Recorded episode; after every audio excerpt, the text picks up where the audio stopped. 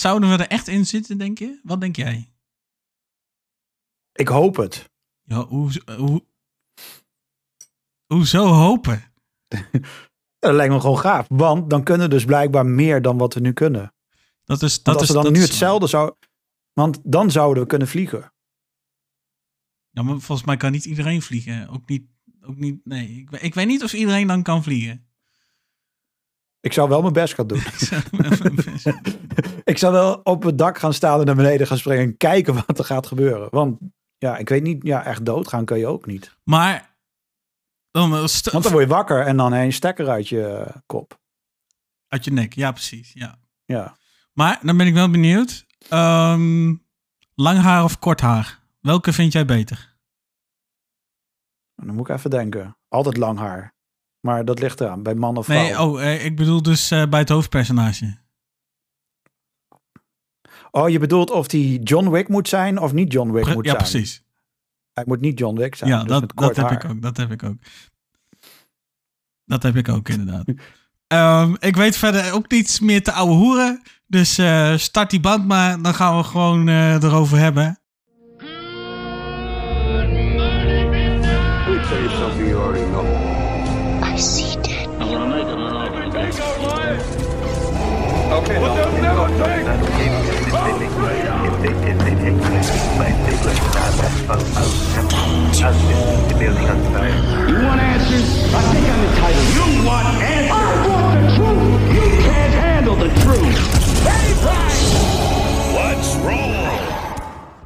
Leuk dat je luistert naar aflevering 25 van Screen Talk, de podcast. Wauw, Wow. in één keer. Ja, ik ja. benadruk het elke keer omdat jij het ook benadrukt. Maar wauw, in één keer. Ja, toch?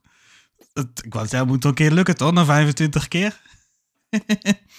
maar deze keer gaan, eh, gaan Michael en ik het eh, uitgebreid hebben eh, over, nou ja, een beetje al natuurlijk kunnen vissen misschien uit, uit de, intro over de Matrix. En ik denk dat we eigenlijk zo'n beetje eh, elk aspect eigenlijk eh, van de film wel gaan bespreken. We hebben een hele lijst. Dus ehm, ja, we hebben echt, ja, we hebben gewoon echt een hele lijst. eh, zelfs games waarvan ik een aantal niet eens kende. Niet? Nee. Oké, nou, ik hoop dat je in ieder geval wel eentje gaat kennen. Want ik heb van die hele lijst heb ik er ook maar één of twee gespeeld. Ik heb er dus maar eentje gespeeld en dat is eh, Enter the Matrix. Die heb ik ook maar heel even gespeeld, want ik vond het niet zo leuk. En de rest, dat eh, zegt me niks. Die, Unre- die Matrix Awakens Unreal Demo die je dan noemt in dat lijstje, dat is die PS5 demo denk ik, die je bedoelt of niet? Ja, die kwam toen nog, wat was het, een half jaar of een jaar geleden uit. Ja, toen die nieuwe precies, Unreal die- Engine kwam. Toen kwam die overal op. Die, en die was kwam toen rond de release van de film, kwam, die, kwam die uit geloof ik. Ja, precies. Dus ja, nou ja, dat, die heb ik dan wel gezien, maar verder niets gespeeld. Want ik heb geen PS5, dus dan houdt het al op. Nee, maar je kon hem ook op de Xbox. Volgens mij kon je hem ook op de PC, maar dat weet ik niet zeker. Oh, nee, PC heb ik wel, maar eh, geen, eh, geen tijd of energie ingestoken. Maar laten we bij het begin beginnen, Michael. En voordat we al te veel eh, afdwalen. Ehm, stel, je hebt de Matrix nog nooit gezien. Wat voor film of films kan zo'n kijker dan verwachten? Al is de kans natuurlijk wel klein, want de eerste Matrix Ja, de eerste Matrix is, precies. is alweer bijna 20 jaar oud. 1999.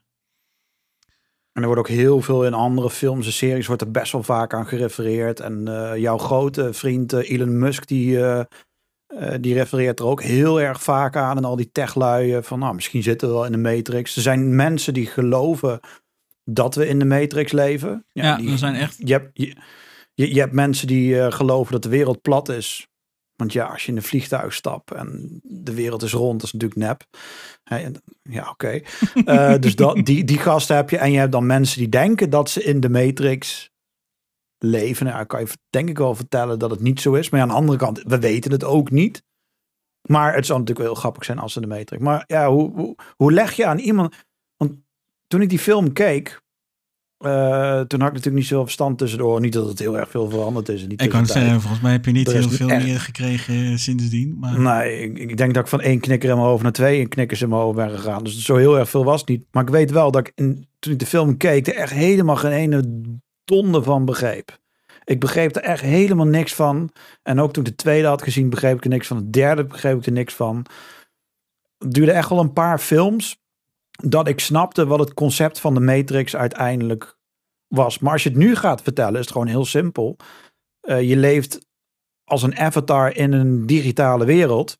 En dat is de perfecte wereld, wat dan overroeld wordt door aliens eh, die ver in de toekomst, eh, ver uit de toekomst komen en die beheersen eigenlijk onze planeet.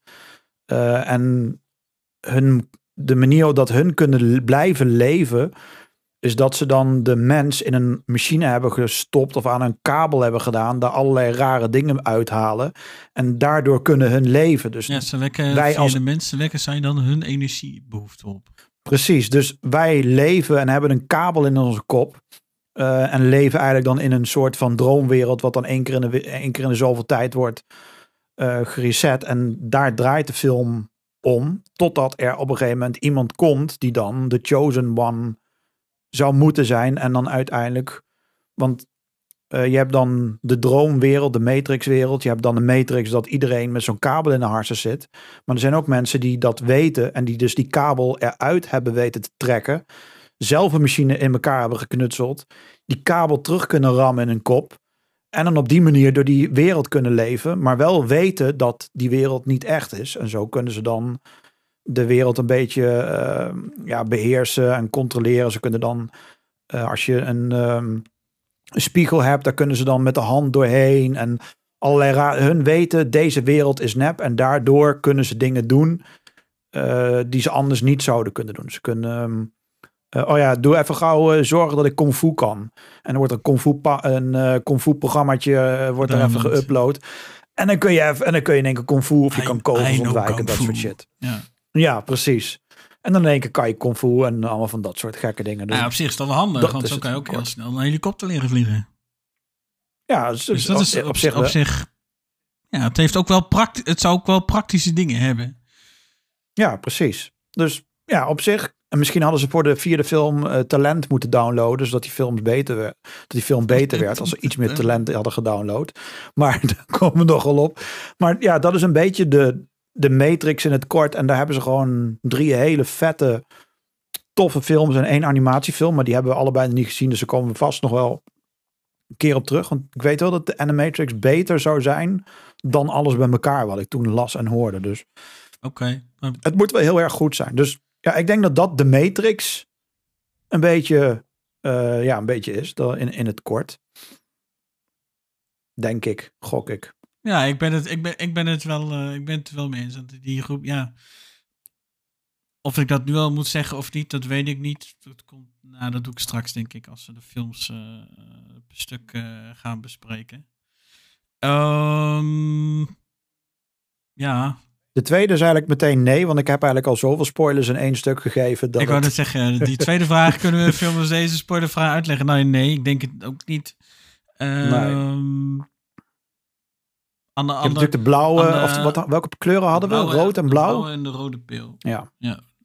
Terwijl eh, de blauwe pil tegenwoordig ook refereert naar een andere pil waar we het verder maar niet over hebben. Oké, nee, ik, zou- ik zou hem zo even niet de link kunnen Nee, leggen. nou, ik- Misschien bij. Die zal ik je zo wel uitleggen dan. Oké, nee, eh, als je het thema weet, dan is het niet zo heel moeilijk. Maar goed. Eh, Voor jou denk ik ook niet zo heel spannend. Ik heb geen idee. Komt goed. Ik ben heel nieuwsgierig. Komt maar... goed, komt goed, komt goed, komt goed. Maar inderdaad, ik denk ook zeker niet dat deze films spoilervrij kunnen uitleggen. Aan de andere kant, de dingen die je hebt uitgelegd, zijn natuurlijk ook weer niet dusdanig, voor het, dusdanig belangrijk voor het verhaal.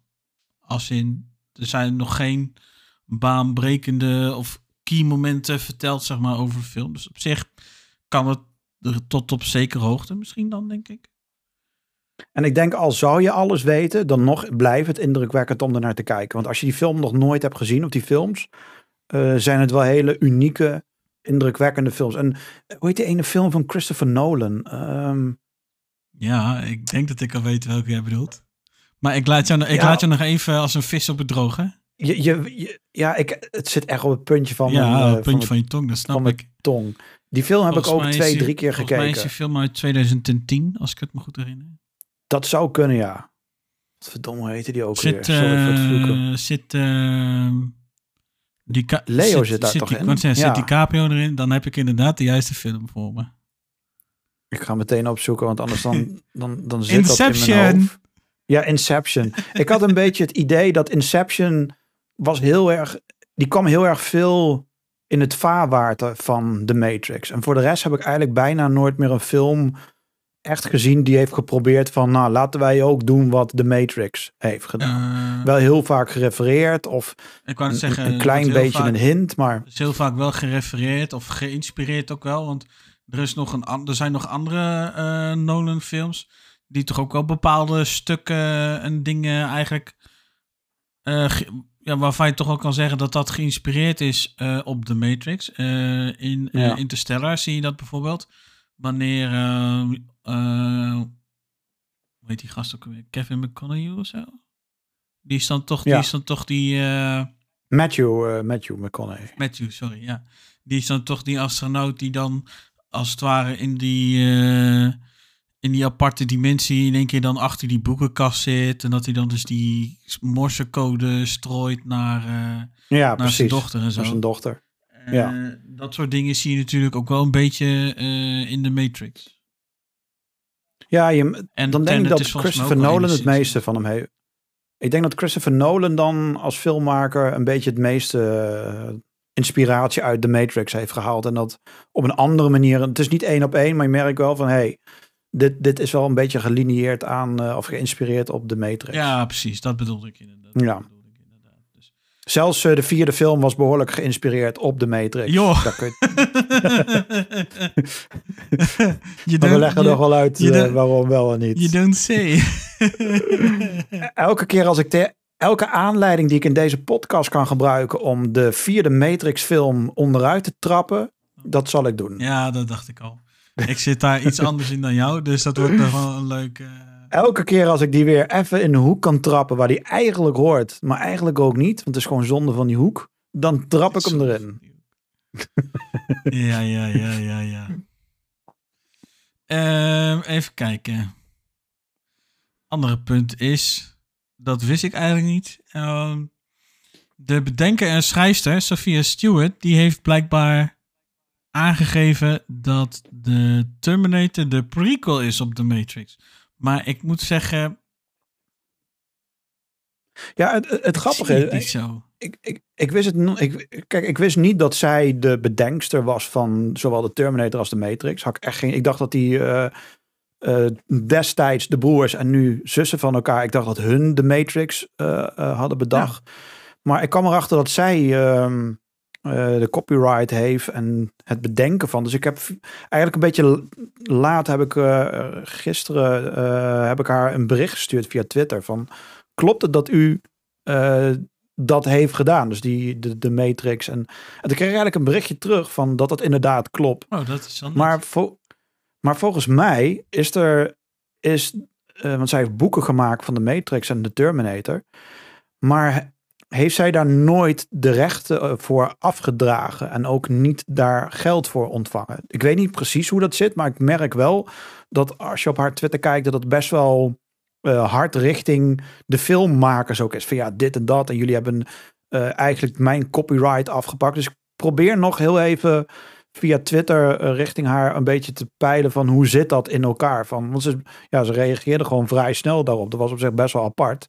Eh, van ja, dat klopt inderdaad. Ik ben degene die dat heeft bedacht. En zij heeft in een ehm, laatste interview heeft zij eh, eh, verteld dat die twee boeken aan elkaar gelineerd zijn. en dat uiteindelijk de Terminator en de Matrix in hetzelfde universum afspelen. En dat het eigenlijk gewoon in één tijdlijn staat. En dat de Terminator echt heel lang geleden was. En dat alles wat in de Matrix gebeurt echt heel ver in de toekomst is. De boeken dan, hè? de films zullen ongetwijfeld. Die kun je, die, de film zou ik niet zo op één lijn kunnen, eh, kunnen zetten. Ja, ja. Eh, want, want ja, in, in, de, in de Matrix, daar heb je de aliens. Of alien robots. ja. En in de, eh, de Terminator, daar heb je natuurlijk eh, uiteindelijk menselijke robots zie. En dan zie je niet. Dus die twee robots matchen niet met elkaar. En ze hebben ook niet echt een overlap. Nou Nu dan. Je zou dan eventueel kunnen zeggen dat eh, een Agent Smith bijvoorbeeld, dat dat dus een evolutie is van de Terminator. Ja, dat zou inderdaad wel kunnen. Ja. Van die een, eh, niet van Arnie, maar van die andere, die helemaal die rare robot ding. Arnie, Arnie is toch ook zo'n robotding? Ja, maar je hebt die andere die helemaal die vloeibaar wordt en die overal doorheen kan. En daar lijkt, daar Oh, lijkt ja. Agent Smith Ja, dan meer op. op dat die, is in, eh, de, in de laatste film is dat geloof ik. ja, ja, precies. Ja, Sowieso, eh, sowieso ga ik nog een keer, gaan we nog een keer een podcast maken puur over de Terminator. Vooral omdat, eh, dat is even een beetje een zijsprong en ook met de Matrix. Maar de, de Terminator, kijk, we lachen om de Terminator, maar ik ben bang. I'll be back. Ik denk niet dat. Maar ik weet zeker, wij gaan, jij en ik gaan het niet meer meemaken in ons leven. Maar ik weet zeker, er komt een moment dat dit werkelijkheid gaat worden met de Terminator. En ik wil een volledige podcast wijden aan de Terminator, omdat ik hem fucking eng, eng vind. En ook omdat we ook die video's af en toe voorbij zien komen van die Boston ehm, University, dat daar robots volledig op de muziek van, eh, of de maat van de muziek lopen te dansen. eh, allerlei choreografische dingen. En dan zitten ze daar om te lachen. En ik van, Boston Dynamics. Jullie hebben nooit- ja, dan denk ik van gast, hebben jullie ooit een Terminator gezien? Want dat is waar het mee begon. Weet je, nu zit op het moment dat AI, eh, dat je een commando geeft van, hey, maak even een website. En vijf seconden later heb je een complete grondcode, kopieer je, plak je dat, upload je dat en heb je een website gebouwd. En heb jij niks aan gedaan behalve tikken. Ja, doe dat even. Dus daar komen we nog wel een keer op terug. Want ik vind de Terminator wel heel erg eh, eh, boeiend. En dan hoop ik dat dan misschien dat er dan van die vrouw iets meer ehm, eh, reactie hebben dan van. Eh, Ik ben, wel benieuwd hoe dat dan in elkaar zit. Ik hoef niet het fijne ervan te weten, maar ik ben wel benieuwd. eh, want ze, heeft ook een, ze had ook een boek geschreven, zag ik.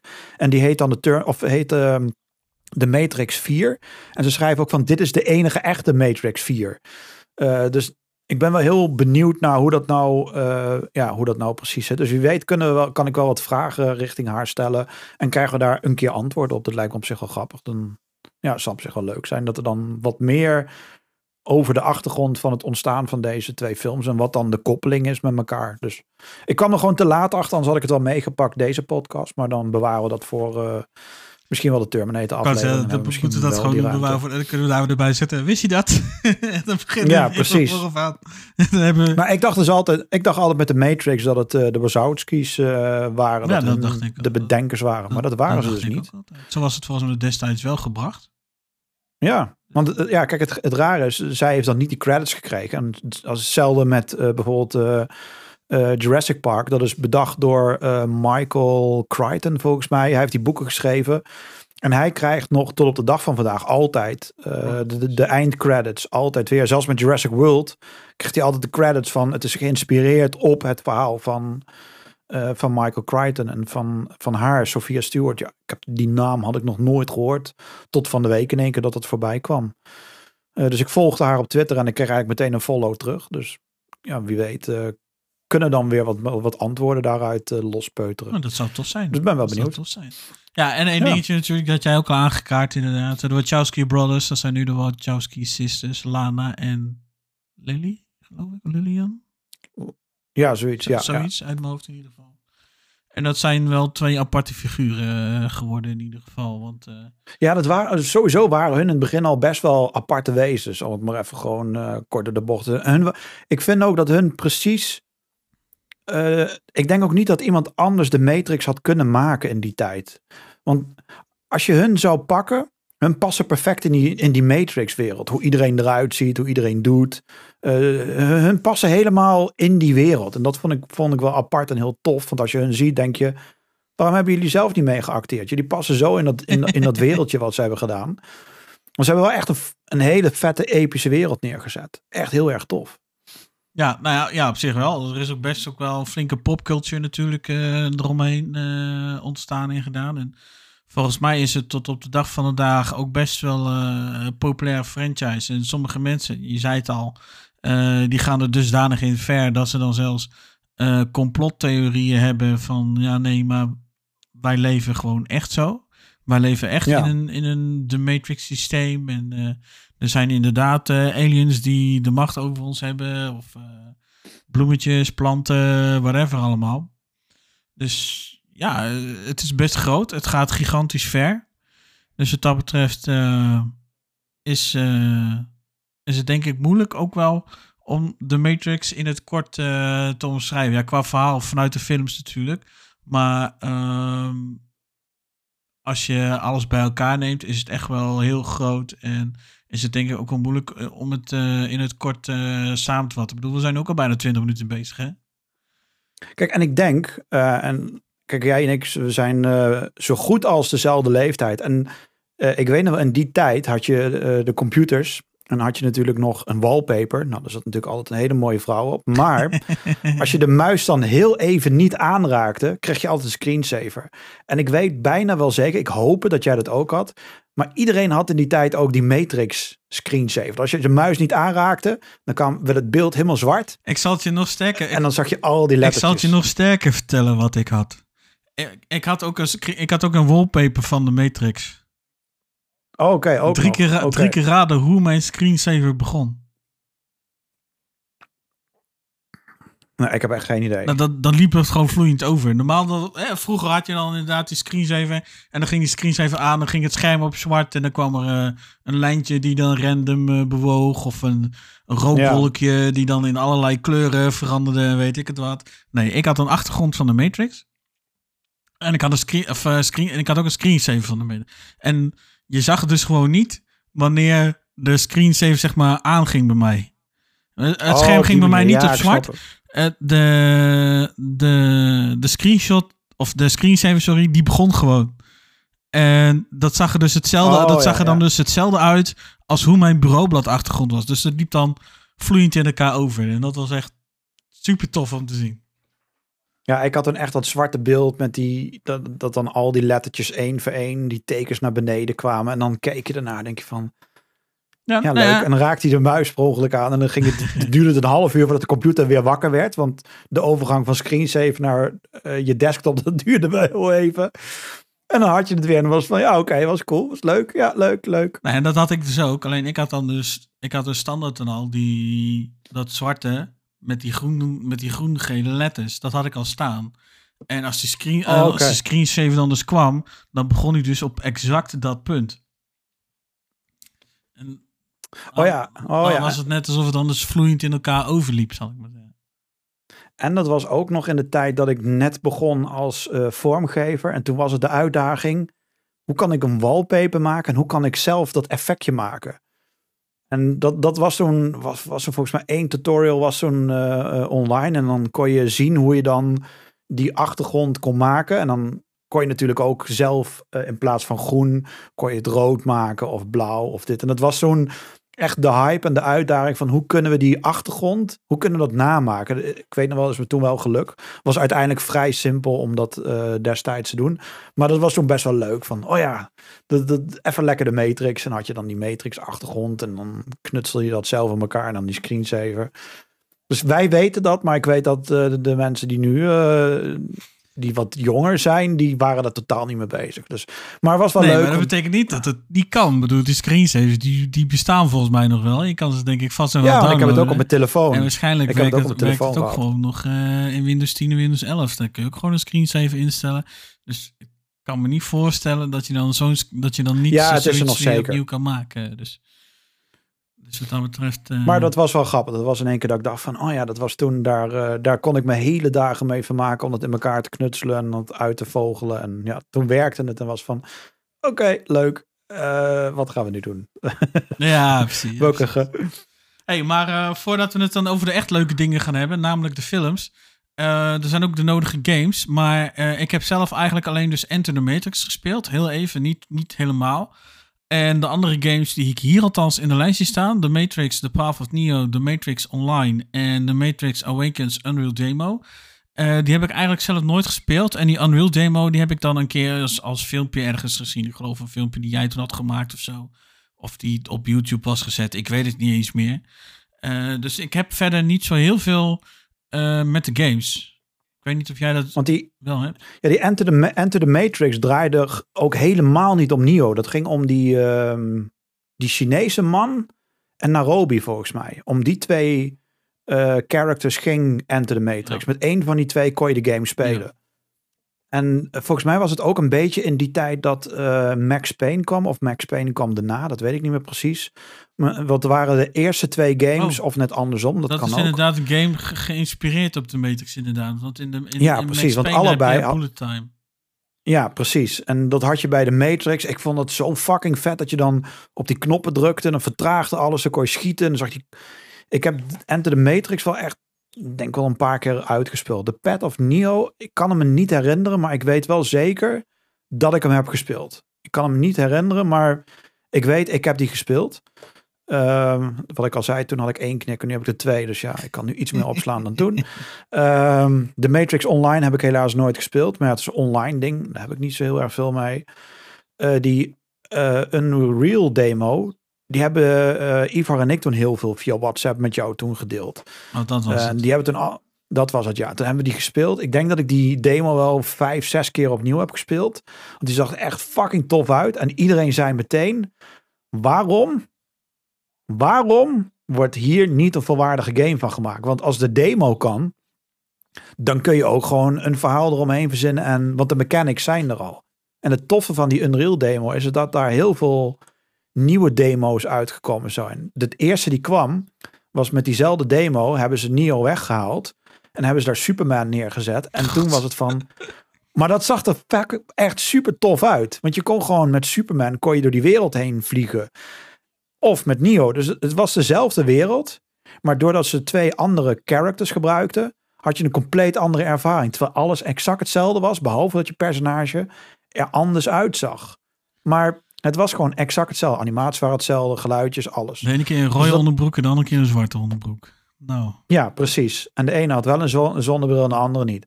Eh, maar dat was best wel cool. Dat zag er best wel tof uit. Ze hebben daar jammer genoeg in gaming nog, nog niet veel mee gedaan. Maar die demo was best wel tof. Die was best wel gaaf om, eh, om te spelen. Volgens mij kun je hem nu niet meer downloaden. Want het was toen gelimiteerd dat je hem kon downloaden of zo. En dan kon je hem spelen. En als je hem nu op je console hebt staan, kun je hem gewoon weer terug downloaden. Maar in die tijd, eh dus niet, volgens mij een jaartje geleden, of zo dat die Unreal demo kwam toen. Of ja, net toen die, eh, die kutfilm uitkwam, ja, daar toen eh, kwam Matrix het 4 neer. uitkwam. Dus het is alweer, het Ja. is alweer twee jaar geleden, vriend. Ja, ja, ja. gaat hard. ja eh. ik, heb het, ik heb het een beetje verbannen uit mijn hoofd, die film. Maar daar komen we gelukkig als, als laatste nog wel over. Maar ja, ik heb Enter the Matrix heb ik wel echt helemaal kapot gespeeld. En volgens mij heb ik die, want ik weet niet of die op PC was. Volgens mij heb ik die toen op PC gespeeld. ik heb hem op PC Heb ik, ja, en ik heb die toen volgens mij via zo'n Twilight disc gespeeld. Oh, dat kan maar zo. Dat kan maar zo. Want de Twilight discs, die, eh, daar heb ik heel veel gebruik van gemaakt. Want daar stond gewoon Ja. altijd een nieuwe Wie heeft Photoshop dat, wie op. heeft dat en, destijds niet gedaan? en, ik vond dat eh, WinZip. Ik vond het destijds heel vervelend dat eh, dat, dat soort releases, dat die uiteindelijk DVD werden. Want ik had nog geen DVD-speler in mijn computer. Oh, zo ja, ja, ja, ja. ja. Dus dat was, ja dat was, dat dat was, ook wel klote. er, er, zat, er zat altijd een lijstje bij van, oké, je hebt weer WinZip, eh, je hebt nieuwe Photoshop, dit, dat. En er zat altijd een verrassing in. Volgens mij was toen dat, dat toen Enter the Matrix er zo op stond. En eh, toen had ik, of, of, of Casa stond erop en heb ik via Casa heb ik toen Enter the Matrix eh, volgens mij toen gedownload of zo. Iets, het zal iets in die, en dan ga je naar eh, Game Copy World en nocdcrack.com of zo en dan Game kon, Copy World, kon je hem ja, opstarten. ja, ja, ja. En dan moest je nog even Demon vista. Tools. dat is echt een aparte search engine voor cracks en dat soort Ja, precies. En dan. Demon Tools. En dan kon je dan eh, de image eh, kon je dan starten. En dan moest je alleen no CD eh, crack hebben. Want anders dan, ja, en op die manier simuleerde je op je computer dat je een CD-ROM speler had. En dan snapte de computer van, ah, daar zit een CD-ROM speler. Ah, daar zit de game. Oké, ik kan hem afspelen. Dus dat was een beetje in die tijd was dat, dat die game kwam. Enter the. Volgens mij is hij later ook nog wel de PlayStation gekomen. Dat weet ik niet heel erg zeker. Oh, dat weet ik. Het kan ook zijn dat ik hem met zo'n goedkope eh, PlayStation knock-off PC eh, controller heb gespeeld. Dat kan ook nog. Ja, wie weet. Maar ja, dat, dat, dat vond ik wel. eh, ja, het waren tof. Ik weet, Enter the Matrix was echt een super toffe game. En toen later kwam dan Max Payne. En dan dacht ik van, hè, bullet time. Maar daar was echt bullet time veel net wat meer uitgewerkt, net wat meer gedetailleerder. En die deden het net. En die hebben toen bullet time opnieuw uitgevonden als het ware. En dat, dat was best wel tof dat Remedy dat toen ja, op die manier had gedaan. Dus dat was wel, wel een coole game. Ja, en dat was best wel wat hoor. Dat ze zoiets überhaupt eh, in een game eh, voor elkaar kregen. Dat kan ik me ook nog wel herinneren. Ja. In ieder geval. Dus, eh, Ja, het was best wel een unieke. Want uiteindelijk Enter the Matrix was gewoon een, een, een doorsnee shooter-achtige action game. Maar door dat mechanisme werd het in één keer een hele andere game. Vooral met water, als de regen naar beneden kwam, dan ging dat water ook allemaal stilstaan. En dan kon je doorheen schieten. Nou, voor die tijd was dat. Ja, nu lachen we erom. Maar voor die tijd was het wel dat ik dacht van. Ik wil nog meer spelen van dit. ja, precies. Ja, precies. Ehm, ja. Ik denk dat we dan de games wel eens een beetje gehad hebben nu. Dus dan kunnen we eindelijk naar de films. En dan moeten we de eerste film denk ik gelijk maar overslaan. Want dat is de Animatrix die we hier in de lijst hebben staan. En die Ja, heb, daar komen we dan nog wel een die heb ik op nog niet gezien. En eh, Michael geloof ik ook niet. Dus daar gaan we dan eh, nog wel een andere keer op terugkomen. En volgens mij is dat sowieso ook een prequel, hè? Ja, volgens mij wel, ja. Maar ik, ik, het stomme is, ik hoorde elke heel veel toffe dingen over. Maar elke keer sla ik hem toch weer over, omdat het toch weer een animatie is. En dan vooral volgens mij een beetje een eh, Japans-achtige anime ding. Qua stijl, daar ben ik niet zo heel erg veel van. Ja, vind ik gewoon niet, ben ik niet heel erg van van die stijl. Eh, dus ja, ik ben eigenlijk wel... ehm, ik ben nu wel nieuwsgierig. Ik, we hadden misschien moeten kijken.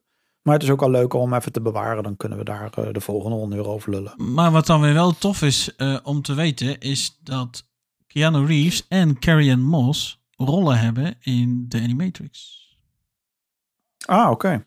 Want die spelen gewoon hun, eh, die, spelen, die doen dus de voice acting voor hun characters. Dus voor Thomas Anderson en, en dus ook Neo. En Carrie Ann Moss dan natuurlijk voor Trinity.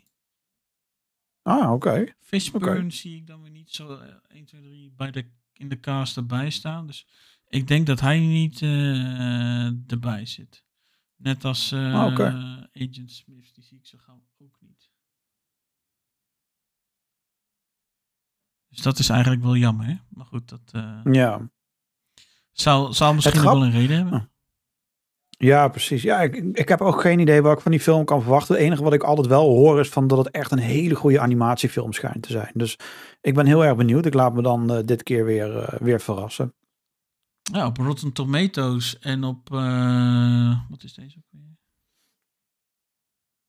Oh, de Rotten, oh, wacht. De Rotten Tomatoes critic rating is 89%. Dus dat is op zich wel aardig. En de audience rating van eh, Rotten Tomatoes is 78%. Dus dan zit hij toch ook weer... Zit hij toch tussen een 8 en een 9, zeg maar, qua, qua cijfer. Dus dan zou ik toch wel zeggen dat het in ieder geval wel een goede film is. Maar dat is van later. Dat gaan we zien. Ja. En dan komen we er uh, vast nog een keer uitgebreid op terug. Ik neem aan dat we dat dan in een reguliere aflevering doen. Dan, Ja, Om dan- precies. Of het moet zo'n fucking epische film zijn dat we een hele podcast aan best- kunnen besteden. Maar wie weet. Ik heb, ik, eh, ik heb geen idee. Laat ik ons dus, verrassen wat eh, dat betreft. Ik dus ook niet. Dus eh, kunnen we die in ieder geval voor nu even overslaan. Spijt me zeer. En ja, dan, hebben we natuurlijk, dan gaan we natuurlijk terug naar 1999 en de allereerste Matrix film. Ehm, wat ik nu in ieder geval nog wel, eens- dat is dan waarschijnlijk ook even een dingetje nostalgie. Ehm, mijn broer studeerde toen in, in Eindhoven op de TU daar. En eh, ja, je kon natuurlijk van alles doen. Dat mocht toen allemaal nog. En eh DivX was toen ook allemaal eh, opkomend en weet ik het wat allemaal. Oh, Tegenwoordig ja, ja, natuurlijk ook allemaal weer dik de revue gepasseerd. Al worden heel veel films nog wel in het illegale circuit dan althans. Nog altijd wel in het DivX formaat gedeeld, zal ik maar even zeggen. En, en mijn broer kwam toen op een gegeven moment ermee thuis. En het waren twee cd's. Dat, dat Oh was ja. ook al heel wat en weet ik het wat allemaal. En, eh, maar net als jij, ik begreep er gewoon echt geen hol van op dat moment. Nee. Ja, ik ben van 1984, dus ik was eh 15 jaar oud. Ja, ik begreep er gewoon geen hol van. Eh, Mijn broer het wel laten uitleggen. En ja, heb jij die film dan al gezien? Ja, ik heb hem, dan, ik heb hem vandaag dan toevallig gezien toen ik thuis kwam. Maar ik begreep echt ook geen jota van. En hoe zit het? Weet, je, weet jij het wel? Mijn broer net een jaar ouder dan mij. Ja, ik vond hem ook wel lastig. En eh, ik moet hem ook nog misschien maar nog een keer gaan kijken. Vervolgens is het eigenlijk bij mij een beetje in de vergetelheid geraakt. En ehm, ja, heeft het eigenlijk jaren stilgelegen eigenlijk voordat ik er überhaupt weer en naar omkeek, zal ik maar zeggen. En toen had ik op een gegeven moment ook wel op eh, een bevlieging van, nou ja, eh, misschien dan toch maar weer die films een keer weer proberen te kijken. Maar ja, Netflix was er niet eh, en al die andere streamers waren er ook niet. En eh, downloaden en alles, dat mocht toen ook nog, dat mocht toen nog wel. Dus het was pre-2014. Ja, precies. En eh, ja, want de andere delen die zijn natuurlijk 2003. Dus die kwamen op een gegeven moment ook. Dus ik zei, ja, dan is het misschien ook wel leuk om dan de films dan toch maar nog een keer te gaan kijken. En ik was toen helemaal niet zo bioscoopgaand zoals nu veel meer is.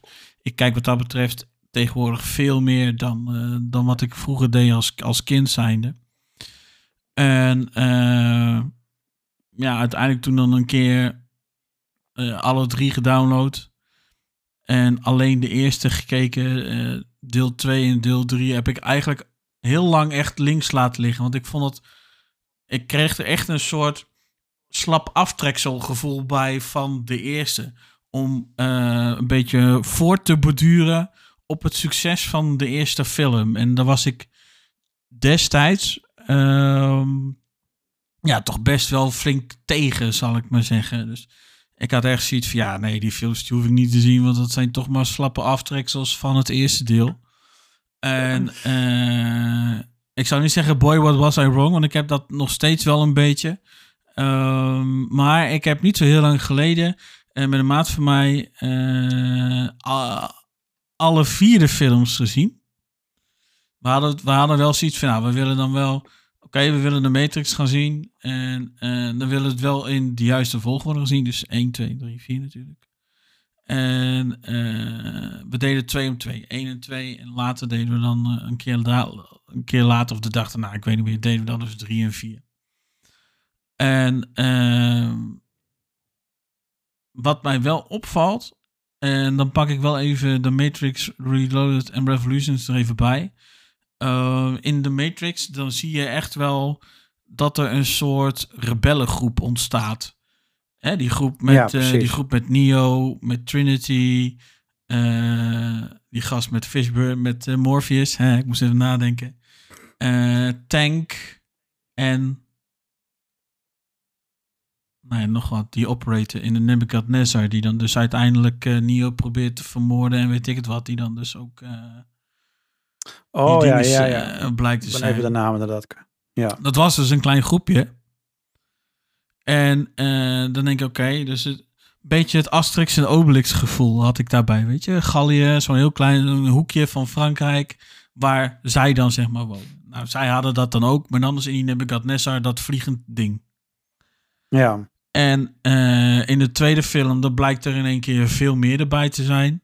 Dan heb je die twins ook en weet ik het wat allemaal. En in de derde film is er in één keer een stad. En dan is het ook niet eens een keer een kleine stad. Nee, een hele grote stad. En die moet dan, Ja, en die moet dan in één keer gered worden. Want er is oorlog en huh. Dus ja, ik zou het op zich wel leuk vinden. Eh, als er dan dus nog een film komt die dan een brug slaat die dat uitlegt. Want het voor mij, ik zal niet zeggen dat het als donderslag bij helder hemel kwam, maar het is wel een dingetje waarvan ik in ieder geval wel zoiets heb van, eh, wat? Ik, ik, ik mis gewoon, ja, voor mijn gevoel mis ik daar gewoon een stuk waarvan ik zeg van ja, ik, ik kan dit logisch verklaren waarom dit er nu in één keer wel is. Want het begon juist heel klein en het groeit, het groeit uit en het wordt steeds groter, het wordt steeds meer. Dat, dat, dat mis ik nog wel een beetje.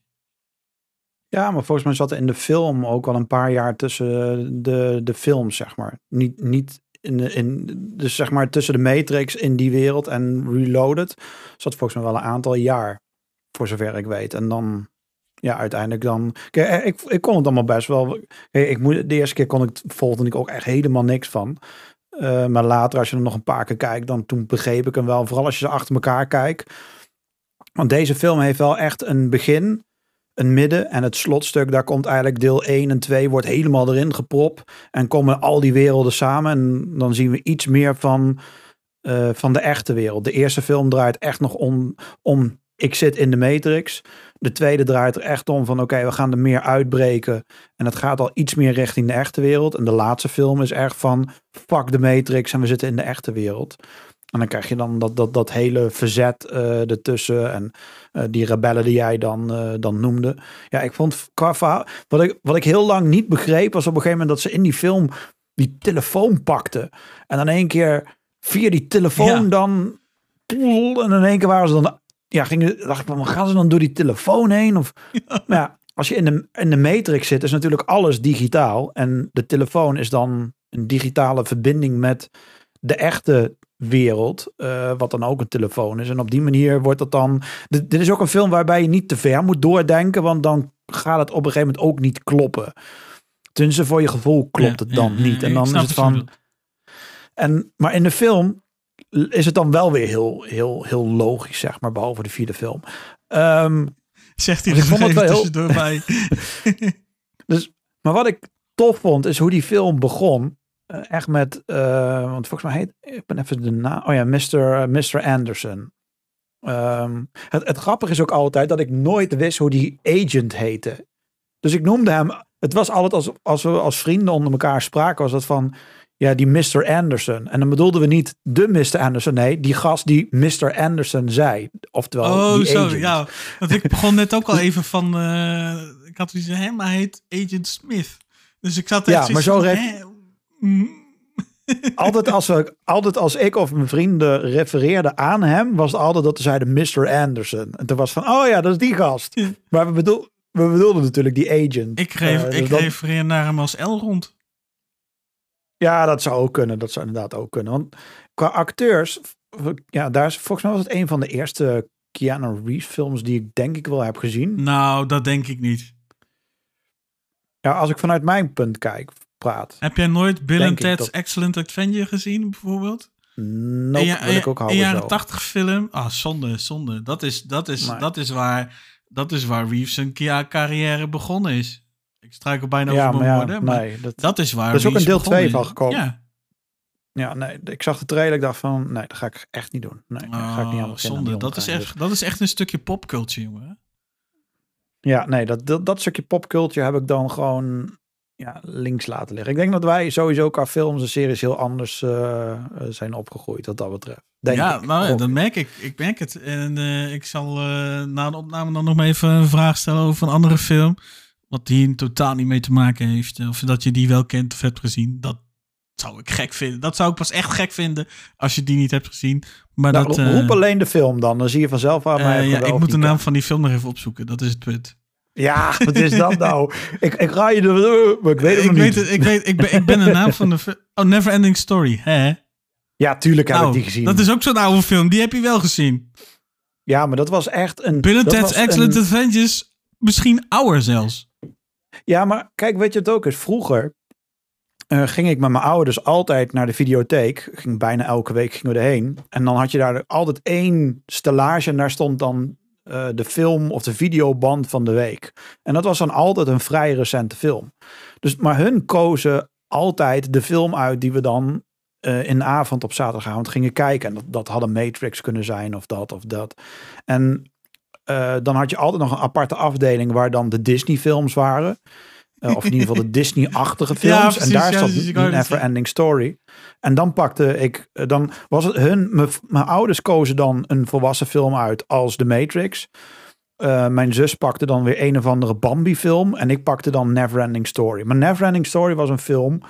Die keken we vaak, of die keken we toen volgens mij tijdens kerst. Want het was echt zo'n kersterige film. Dus ja, die heb ik wel gezien. Maar die Bill en Ted shit waar jij het over hebt. Die heb ik niet gezien. Want ik was ook afhankelijk van wat mijn ouders eh, zeg maar pakten en, en keken. Daar was ik gewoon toen redelijk van. eh, en daarna, toen ik het ging downloaden, keek ik gewoon die harde actiefilms. Die downloaden ik. Eh, maar een Ted en Bill, nee, dat, dat weet ik zeker. Die heb ik niet gezien. Maar Zonde, ja, dat was de eerste film. Maar dat is, in ieder geval, dat is in ieder geval waar Keanu Reeves in de, in de filmwereld als acteur, zeg maar, doorbrak. Maar ik moet dan wel eh, toegeven, eh The Matrix is wel eh, de, de film die Keanu Reeves en Carrie Ann Moss en Fishburne en Elrond eh, weet ik dat allemaal, echt wel op de kaart heeft gezet. Ja, Elrond was, was er misschien al, dat weet ik even. Ja, die was al wat langer. Maar dat die echt voor mij in ieder geval doorbrak, dat was daar, laat ik het zo zeggen. En, en Ja, precies. die kwam natuurlijk pas in 2001. Dus ja. Ja, ik zal even snel inderdaad te kijken. Ja, want die, eh, hoe heet die, eh, Hugo Weaving, dat was e- hoe hij Agent Smith speelde, deed hij echt fucking goed.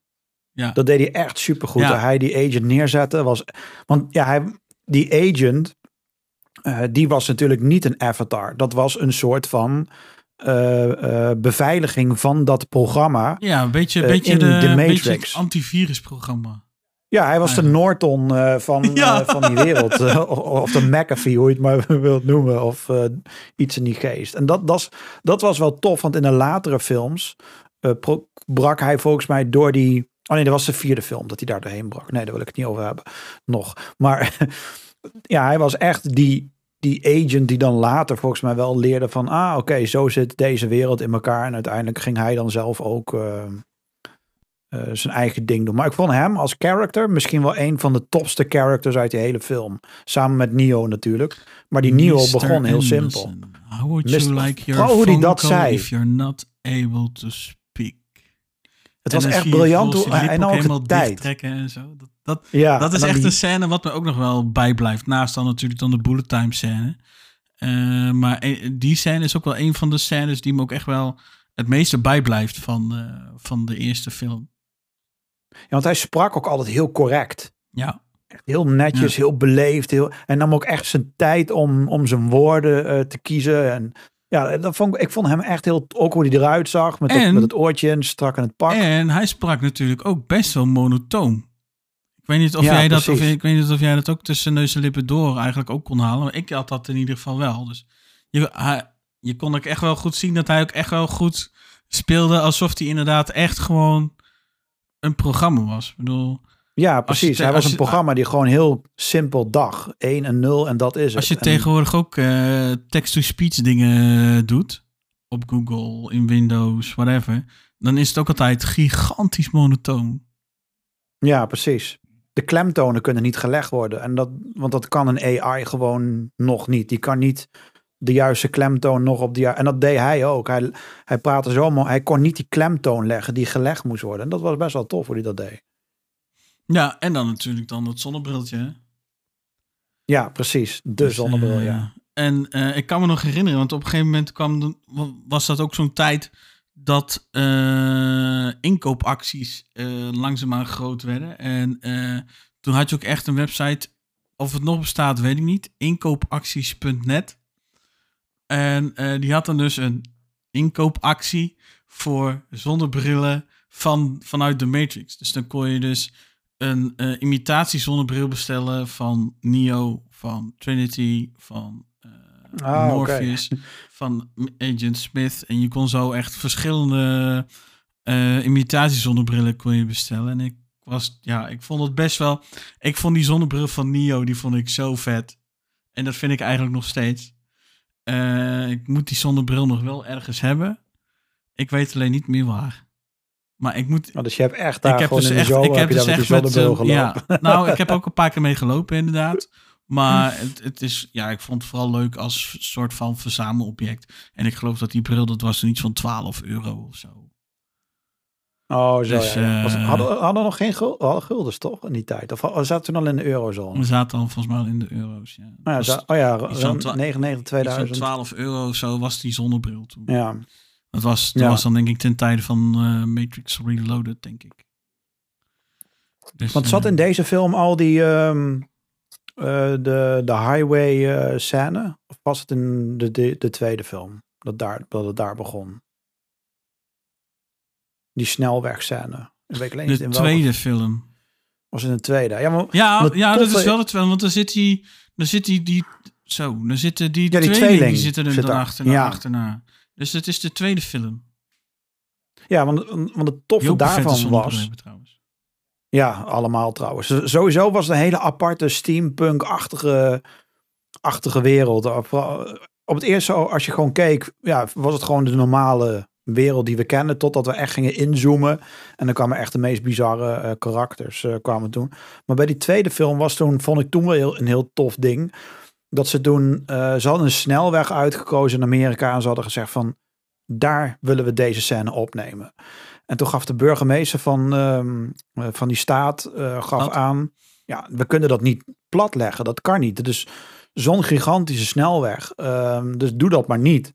En toen hebben ze gewoon zelf die, die, die snelwegscène, die hebben ze gewoon letterlijk, nu zouden ze dat met een groen scherm doen, ze hebben gewoon letterlijk een snelweg aangelegd van een paar kilometer lang asfalt laten maken. eh, en, en, en heenweg en een terugweg. Dus die hele weg die we zien is speciaal gebouwd voor die film. We ook een hele making-of van, best wel tof. En het was zo'n best wel een, een tof ding dat ze gewoon letterlijk een snelweg hebben gemaakt eh, voor die film. Om uiteindelijk dan die ene, want er is maar één scène eigenlijk eh, in voorgekomen. Wat wel een van de meest iconische scènes is. Dat die tweeling erin zit en in één keer doorzichtig wordt. Of in ieder geval, eh, hun worden dan in één keer die Matrix code. Zitten ze in één keer in een andere auto en dan springen ze op a- Dus voor die scène was dat best wel cool dat ze daar gewoon letterlijk de snelweg hebben gebouwd. Eh, er was toen ook ehm, brandweer, politie, ambulance waren ook allemaal buiten de set eh, aanwezig. Dat als er wat gebeurde, dat ze meteen konden ingrijpen. Want ja, ze hadden een snelweg in de middle of fucking nowhere gebouwd. Dus als daar wat gebeurt, ja, hoe, hoe kom je daar? Eh, dus dat vond ik wel tof dat ze gewoon letterlijk daarvoor dat hadden gemaakt. En als het goed is, eh, is er nog een deel uit die film, uit die snelweg, hebben ze geloof ik een scène gebruikt om dat later weer in Transformers te gebruiken. Eh, iets in die richting. Want Michael Bay heeft volgens mij toen iets uit de Matrix mocht hij geloof ik gebruiken om dat dan in eh, de Transformer film te doen. Of het was met een andere film, maar volgens mij was die, die link eh, op die manier toen gemaakt. Maar ik vond het wel Die cool dat ze gewoon... Dus het gaat, er, binnen, er komt ook nog een Transformer podcast ding. Dus dan kan ik dat daar wel weer aan uitvogelen. Dus dat, dat komt er ook allemaal nog aan. Dus ik vond het wel cool dat dan, ja, dat ze dat hadden gedaan. En in die tweede film ging wel wat dieper in de materie. Want in de eerste film was van, oké, die Matrix is er. En dan was oké, ik, ja, ik snapte helemaal niks van. En in die tweede film kwam dan die sleutelmaker Ja, dan, die dan de keymaker die dan van de ene deur naar die andere ging. En Dat, dan kwam die daar weer uit en dan daar en daar. En dan dacht ik van, hè? En dan uiteindelijk als hij dan in die gang kwam, dat was dan uiteindelijk dan ja, de backdoor in de Matrix als het ware. Eh, en ik weet alleen niet of dat nou bij deel 1 naar 2 was of van 2 naar 3. Daar had je dan de actrice die dan eh, het orakel speelde. Zij kwam in een van die films te overlijden. Eh, en toen hebben ze uiteindelijk dan ja, die actrice gewisseld. En dan in, in die film wordt ook de opmerking gemaakt van... Ja, je bent anders of zo. En toen zei ze ook van ja, ik ben de orakel. En ik, ik, ik kan inderdaad een andere vorm aannemen. De actrice was toen eh, volgens mij in de eerste film overleden. Nadat ze de opname had gemaakt. Toen hadden ze dat op die manier eh, dat is dan gewisseld, denk zeg ik maar. na de tweede geweest. Want die actrice Ja, dat zou inderdaad kunnen. in de tweede. Oh ja, inderdaad. Van twee naar, van twee naar drie zie ik inderdaad. Want de, in de derde film wordt de ora, eh, het orakel gespeeld door een andere actrice. Maar ik moet wel zeggen, zo die figuren zoals eh, de Oracle en de Keymaker. Ik snap eigenlijk nog steeds niet hoe en wat. Wat hun betreft. Hun origins en of, ja, wat hun. eh, Ja, de? Keymaker is echt dat, is, is, is, is het programma wat dan uiteindelijk de backdoors. Dus misschien is dat wel het cheat-programma van, van de Matrix, die ervoor kan zorgen ja, dat hij overal kan komen. En hij, eh, als ik het zo denk, is dat hij die sleutels maakt, waardoor eh, programma's zoals een, eh, een, een Agent Smith makkelijk door die wereld heen kan navigeren. Of iemand anders die door die wereld heen moet navigeren. Want uiteindelijk is die Matrix ook gewoon naar de knoppen geholpen. Of laat ik zo zeggen, die aliens hebben die Matrix ook gewoon niet meer onder controle.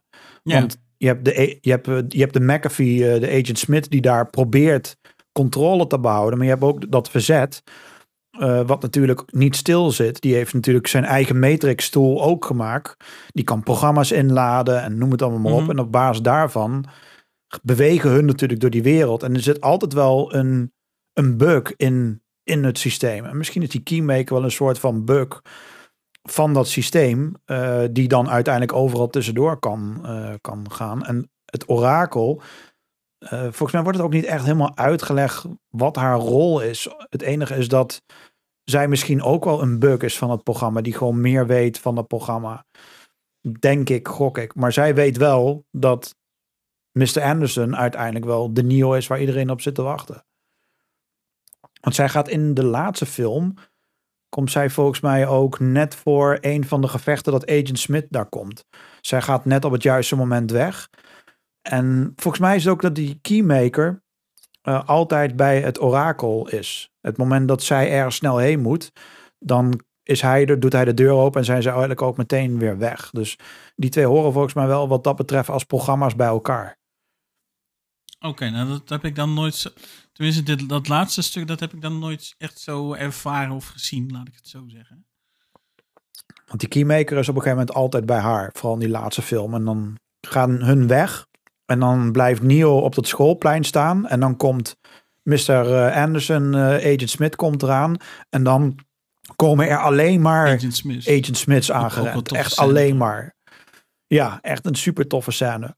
Het, het grappige is wel van, van die films, als je ze nu kijkt, is het, he- is het, heeft het niet de tand destijds doorstaan. Want je ziet echt gewoon, Nee, vooral dat laatste, het- is echt dat je denkt van, oh. terwijl het destijds was het echt wel top-notch. Ja, dat was, dat- ik keek ernaar en ik dacht van, hoe doen ze dit? Hoe, hoe kunnen ze die acteur niet één keer, maar weet ik veel, honderden keren op het scherm? Want toen had je, wa- was CGI natuurlijk. Maar toen zag het er niet uit als CGI, want we hadden dit nog nooit eerder gezien. Ja, precies. Dat was wel echt, ja, vooral die laatste film, dat eindgevecht, dat al die Agent Smith zo op een rij stonden in die, in die, in die regen. En dat ze dan allemaal tegelijkertijd spraken. Dacht echt van, hoe de fuck hebben ze dit gedaan, man? Hoe doen ze dit? Maar als je het nu terugkijkt, is het echt gewoon dat je denkt van, dit was echt een hele slechte cut game op, op, op, op de PlayStation 1 of zo. Hoe het eruit ziet qua, eh, qua CGI. Dat was echt, dat was echt om te janken dat, die, in, die, eh, in die tijd. Ja. Ja, Maar kun je nog, eh, dat, eh, kun je nog eh, de dame in het rood herinneren? Want dat was op zich ook al een leuk dingetje wat ze erin hadden gestopt. de dame in het rood. Want je had natuurlijk Neo, die moest dan gaan oefenen in de Matrix. En dan had je dan die, die, die gekke gast die dan uiteindelijk die, die, die programmaatjes maakte. En ja, ik denk dat hij makkelijk eh, jij of ik had kunnen zijn. Want die had dan uiteindelijk de Lady in Red eh, gemaakt. En dat was dan een van de knapste eh, karakters in de Matrix die hij dan helemaal had gemaakt. En dan zei hij ook van, en, en ben je haar tegengekomen? Kun je niet meer herinneren? Dat, dat, dat was de Lady in Red in de Matrix. Ik denk als je gaat googlen, Ja, dan vind, dan vind je haar vanzelf wel. Maar, want iedereen was namelijk qua kleur, qua kledingkleur dan, eh, was allemaal best wel grauw, zwart, donker. En zij was dan een van die characters die was helemaal in het rood. Volgens mij had ze ook blond haar. ja, ja. Eh, en zij liep dan eh, door die spel weer. Of de, ja, ja in- inderdaad. blond ik zit toevallig ook eh, even te googlen inderdaad. En eh, ik typte de Matrix L. En hij maakte Oh. er gelijk Lady in Red van. Ik had echt zoiets van, Ja. oké.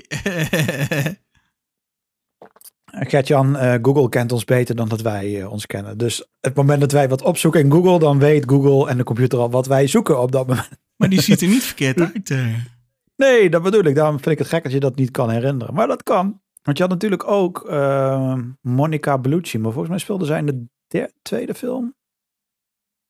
Ja, de tweede film, Reloaded. Daar kwam zij. Want zij was dan de vrouw van die gekke Fransman. Oh ja, ja, ja, ja, ja, ja. Die, dat, dat, dat, die hadden ze inderdaad nodig om eh, bij de Keymaker of zo te komen, toch? Ja, precies. Want daar draaide die hele, die hele tweede film draaide volgens mij om, om het feit van die keymaker en die sleutel. En op die manier kwam je dan eh, verder. Want volgens mij was ook in Reloaded, zie ik nu. eh, daar kwam dan uiteindelijk de architect. Die kwam daar dan ook in voor. Want je had natuurlijk Neo, die ging dan uiteindelijk. Brak die dan helemaal door. En toen kwam die uiteindelijk eh, in, die, eh, in die kamer met allemaal tv-schermen. En daar kwam toen uiteindelijk de architect. En die, eh, die is dan de AI of het programma die dan namens die aliens die hele spelwereld probeerde te maken. En die vertelde toen ook van ja, dit is de Matrix is nep en bla bla bla en dit en dit. En als het niet lukt, dan rebooten we gewoon het hele shitshow opnieuw en dan hopen we dan dat we weer een nieuwe wereld eh, digitaal kunnen opbouwen. Die kwam dan uiteindelijk ook eh, aan het einde van de film volgens mij zelfs nog. En toen brak Neo daar ook weer doorheen. Want het draait natuurlijk wel allemaal om hem. Alles draait om Neo. Ja, in die eerste drie films wel, ja. Ja, ja, precies. Maar er staat me ergens ook wel iets van bij dat Oracle uiteindelijk zegt dat Neo niet de one is. Ja, klopt, want zij twijfelt dan volgens mij op een gegeven moment aan hem. Maar misschien kan het ook zijn dat zij dat bewust doet, omdat Neo zelf ook even niet meer eh, wist hoe het ging. En op die manier dat hij dan weer een nieuw, eh, eh, een nieuw kracht kreeg van ja, oké, ik moet het toch, ik moet toch het tegendeel nu gaan bewijzen of zo. Op een ja, of andere een manier. hernieuwd geloof of zo. Ja, zo. Ja, precies. Ik kom ook even niet op, eh, ja, op wat ik zoek qua benaming, maar Nee, ik zit stiekem ook nog even te aapgapen op Monica Bellucci. oké. Ik klik het gauw weg. Gert-Jan heeft heel even een momentje nodig. Dus eh, pak, even, pak even wat koffie, pak even wat thee. eh, want ja, hij heeft even zo'n momentje nodig. nou, Dus nou, nou, eh, ik heb, ik, het al weggeklikt. Oké. En dan, ja, dan had je natuurlijk de laatste film, Revolutions. Eh, daar kwam eigenlijk wel, misschien was die film wel een beetje over de top, maar daar kwam wel echt alles, alles samen. Daar was echt van, oké, we weten dat de Matrix er is. We begrijpen het en alles draaide om, hoe heette die wereld ook alweer? Ehm, waar hun uiteindelijk allemaal zaten. Ah, shit, hoe heette die wereld ook? Want dat verzet kwam op een gegeven moment. In de eerste film zagen we alleen een klein deel van het verzet. Het tweede deel werd dat natuurlijk groter. En, en eh, Oh, later die zagen we je, natuurlijk dat. die, die heette Zion. Die, Ja, heette, die die heette Zion. Oh ja, ja, Zion, ja. Want uiteindelijk draaide alles daar natuurlijk om. Want we zagen alleen maar een klein deel. Eh, en hoe verder de films vo eh, vorderden, zagen we uiteindelijk dat er veel meer mensen waren bevrijd. En die niet in de Matrix meer zaten. Maar die gewoon in de huidige wereld uiteindelijk leefden. Alleen, ja, die hele wereld was natuurlijk helemaal naar de kloten. Want zelfs in de eerste, misschien zou dat wel een keertje tof zijn. Dat, maar ja, daar, komen daar kom ik aan het eind van de rit nog een keer op terug. Maar van deze aflevering.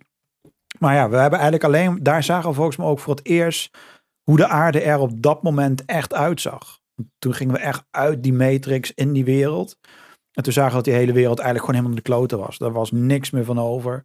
En die aliens die eh, domineerden eigenlijk eh, onze planeet. En wij konden daar niet eens meer leven. Dat was helemaal, ja, helemaal klaar. Helemaal, eh, helemaal afgelopen. En Neo was dan de, ehm, de eerste die uiteindelijk het voor elkaar kreeg om de krachten die hij in de Matrix had, om die dan uiteindelijk ook in de echte wereld uit te voeren. Ja. En dat maakte hem natuurlijk speciaal dat hij in de Matrix kon vliegen. Maar fuck, hij kon ook gewoon uit de Matrix, kon hij ook gewoon zijn krachten gebruiken, kon hij ook vliegen en noem het allemaal maar op. Eh, volgens mij was in deel 1 dat hij op een gegeven moment. eh, ja, volgens mij was tegen het einde van de film, in de eerste film, dat Neo doorhad dat hij in een matrix zat en dat hij ook de wereld niet meer eh, zag als een wereld, maar allemaal in die codetaal. Toen zag hij voor het eerst van, maar dit is hoe de matrix eruit ziet, dit is hoe de wereld eruit ziet eigenlijk. En toen zag hij al die, die gekke cijfers en toen kon hij die kogels kon hij toen ontwijken. Volgens mij was het toen het einde van de film. En toen had eh, Agent Smith zoiets van, maar hoe, hoe kan die, ja, hoe, hoe, hoe de fuck krijgt hij dit van elkaar? Ja. Dus ik vond het wel heel tof hoe ze dat. Het is wel een film waarbij je weer niet te diep moet nadenken, want dan kloppen heel veel dingen volgens mij niet. Maar voor die tijd, ja, ik vond het een unieke film. Hoe ze dat. Wat, ik, eh, wat, mij, wat mij ook wel eh, opviel, in, in ieder geval de eerste drie films, dat Agent Smith, eh, hoe moet ik het zeggen? Ehm, in de eerste film, dan was hij echt eigenlijk de main antagonist. Ja, In de tweede film was het een stuk minder. En in de derde film, dan is het misschien toch langzaam een beetje een soort. eh, eh, eh, hoe moet ik zeggen? Een geallieerde aan het worden. Hij, hij krijgt een soort van. Agent Smith die krijgt een soort van gewetensvroeging. Die, ja want hij evolueert op. een gegeven moment. Want hij is in de eerste film gewoon nog een programma. Eh, hij is die antivirus, die Norton. Maar later merkt hij eigenlijk dat hij als programma ook sterker en kan evolueren en een ander programma kan worden. En dat was uiteindelijk wat hij Want hij wilde uiteindelijk gewoon de Matrix overnemen. Dat was wat, wat hij Oh ja, wilde. Hij wilde die Matrix gaan beheersen, controleren. En ja, hij wilde gewoon het programma worden. Want iedereen die daar was, was eigenlijk gewoon een programma. Eh, en toen hij erachter kwam dat hij dat kon. Want volgens mij was het voor het eerst dat hij ergens doorheen, doorheen ging met zijn hand. En toen merkte van hé, hey, maar. Want dat programma wist niet dat hij een programma was. En hij wist ook niet als programma dat hij in die matrix zat. Hij dacht eigenlijk gewoon dat hij net als iedereen, ieder ander gewoon een mens was. Die als een agent door die wereld heen ging. Totdat hij erachter kwam. Maar fuck, ik ben een programma. En ik kan mijzelf upgraden als een ander programma en beter worden. En dat vond ik wel tof dat dat uiteindelijk resulteerde tot. Ik vond een heel tof eindgevecht tussen die twee. Heel erg CGI en heel erg computeranimatie nu. Maar dat eindgevecht vond ik wel heel erg tof met al die agents.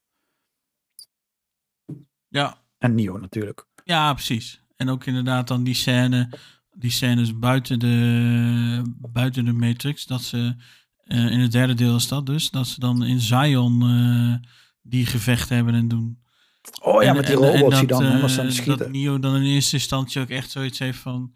Ik ben inderdaad niet de one en weet ik het wat. En uiteindelijk dan gebeurt er wat. En dan ziet hij toch in dat hij toch nog wel wat meer heeft. En dan zie je dat hij er dus ook ja, in de echte wereld dan dus gaat vliegen in gaat doen.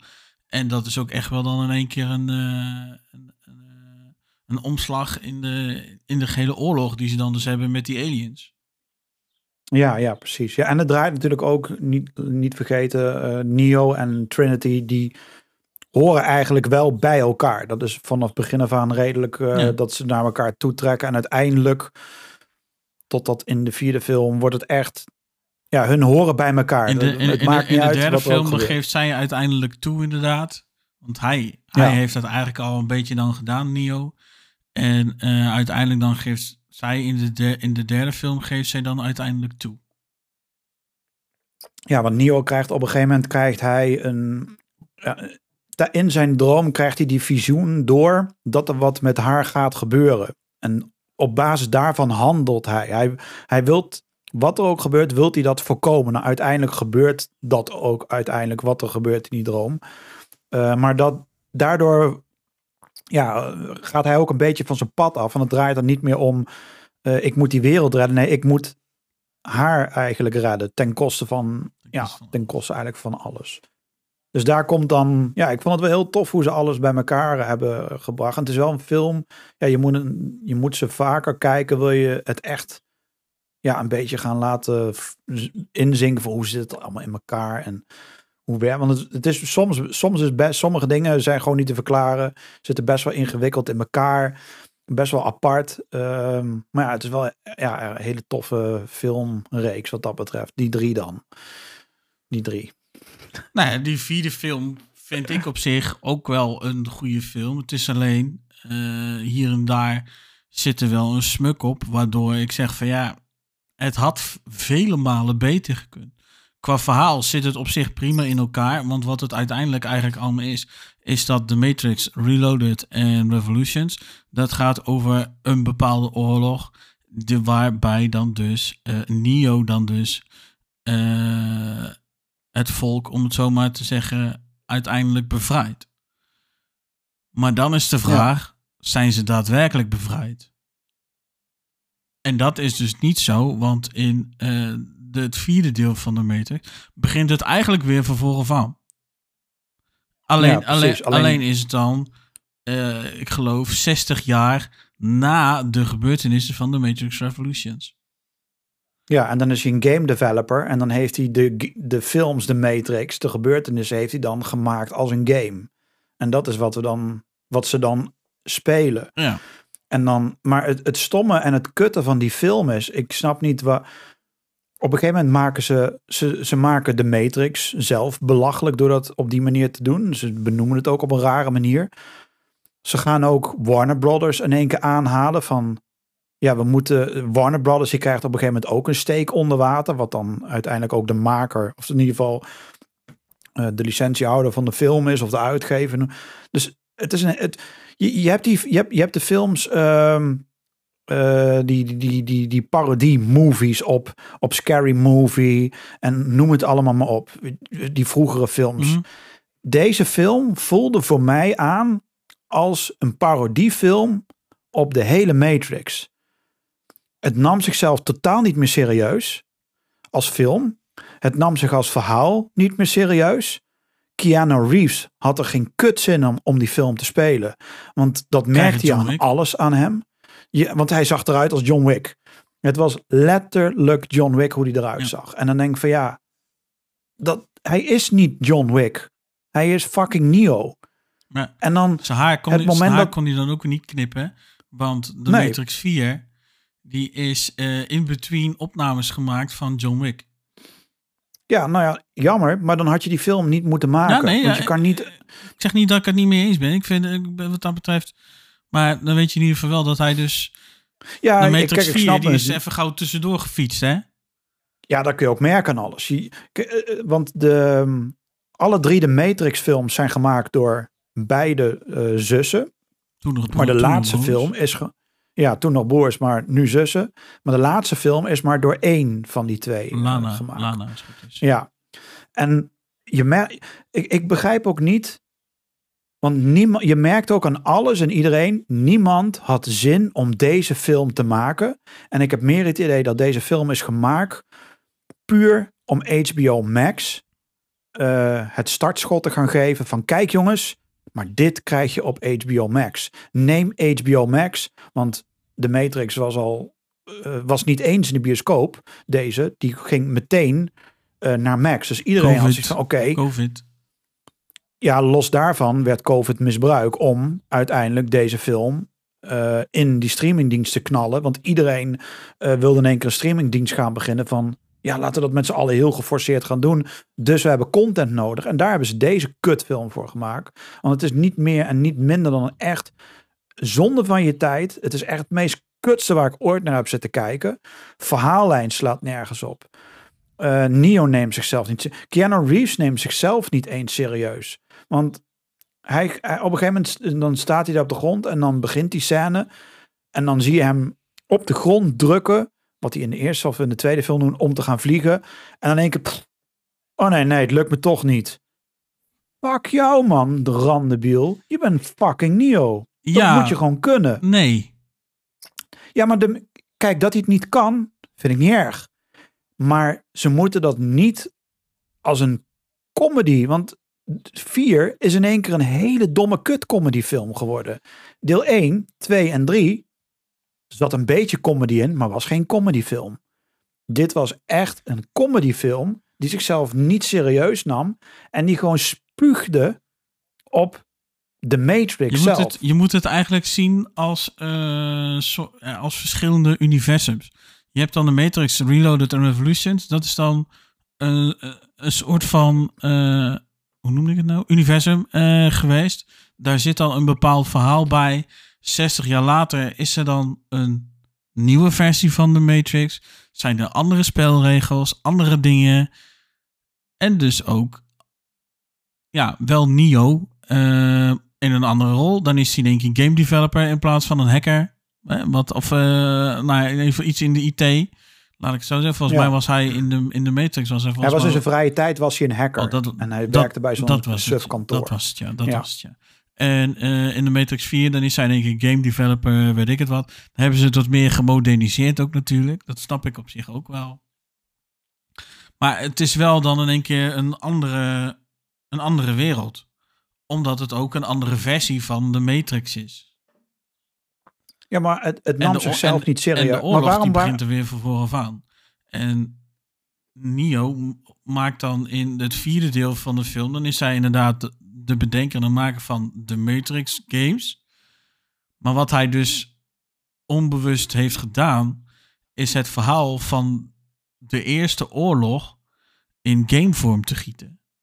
Maar dat, dat kijk, ik heeft hij helemaal niet door. Film, dat is, kijk, ik begrijp de hele film. Dat is, dat is mijn punt niet. Het punt is, de manier waarop ze dit hebben gebracht... is gewoon compleet kloten.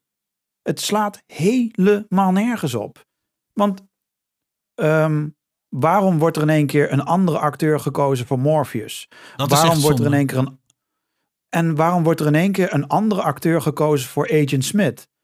Maar ze kiezen wel ervoor om Neo en Trinity hetzelfde te houden. Had hun dan ook volledig nieuw gemaakt?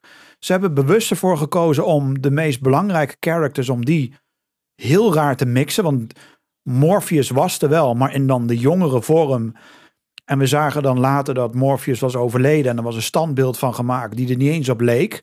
Weet je, dat is een beetje hetzelfde als dat je naar AliExpress gaat en je bestelt eh, een heel vet item, maar je krijgt echt iets wat er totaal niet op lijkt. Maar Morpheus was er wel in één keer.